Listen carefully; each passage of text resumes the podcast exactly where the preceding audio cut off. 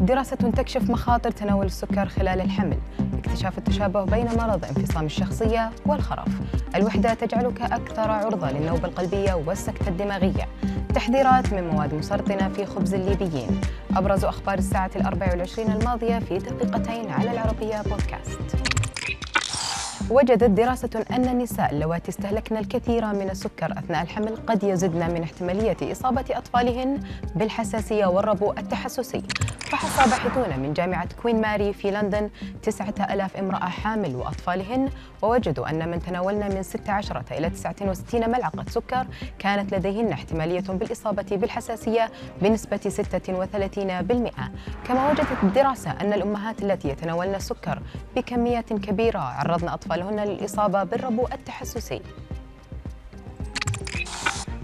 كشف تصوير بالرنين المغناطيسي للدماغ عن وجود روابط بيولوجية عصبية بين الخرف والذهان وفقا لدراسة نشرت في مجلة جاما كما قالت الدراسة أن مساعدة التصوير والتعلم الآلي وجد العلماء المؤشرات الأولى الصالحة للأنماط التشريحية العصبية في الدماغ التي تشبه توقيع المرضى المصابين بالخرف الجبهي الصدغي. ومن النادر أن يعود العلماء في الأبحاث الأساسية إلى النتائج التي تبدو أنه عفى عليها الزمن والتي يزيد عمرها عن 120 عاماً.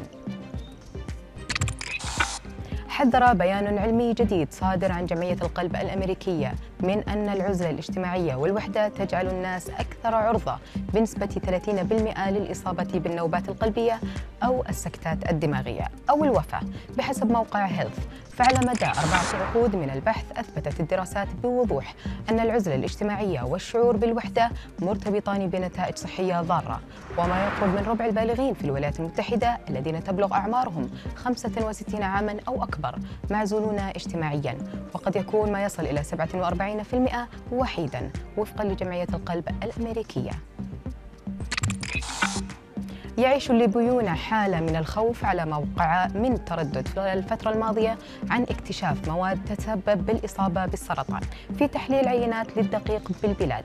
البداية كانت مع تداول صفحات صفحات على مواقع التواصل الاجتماعي تقريرا منسوبا إلى المركز الليبي المتقدم للتحاليل الكيميائية.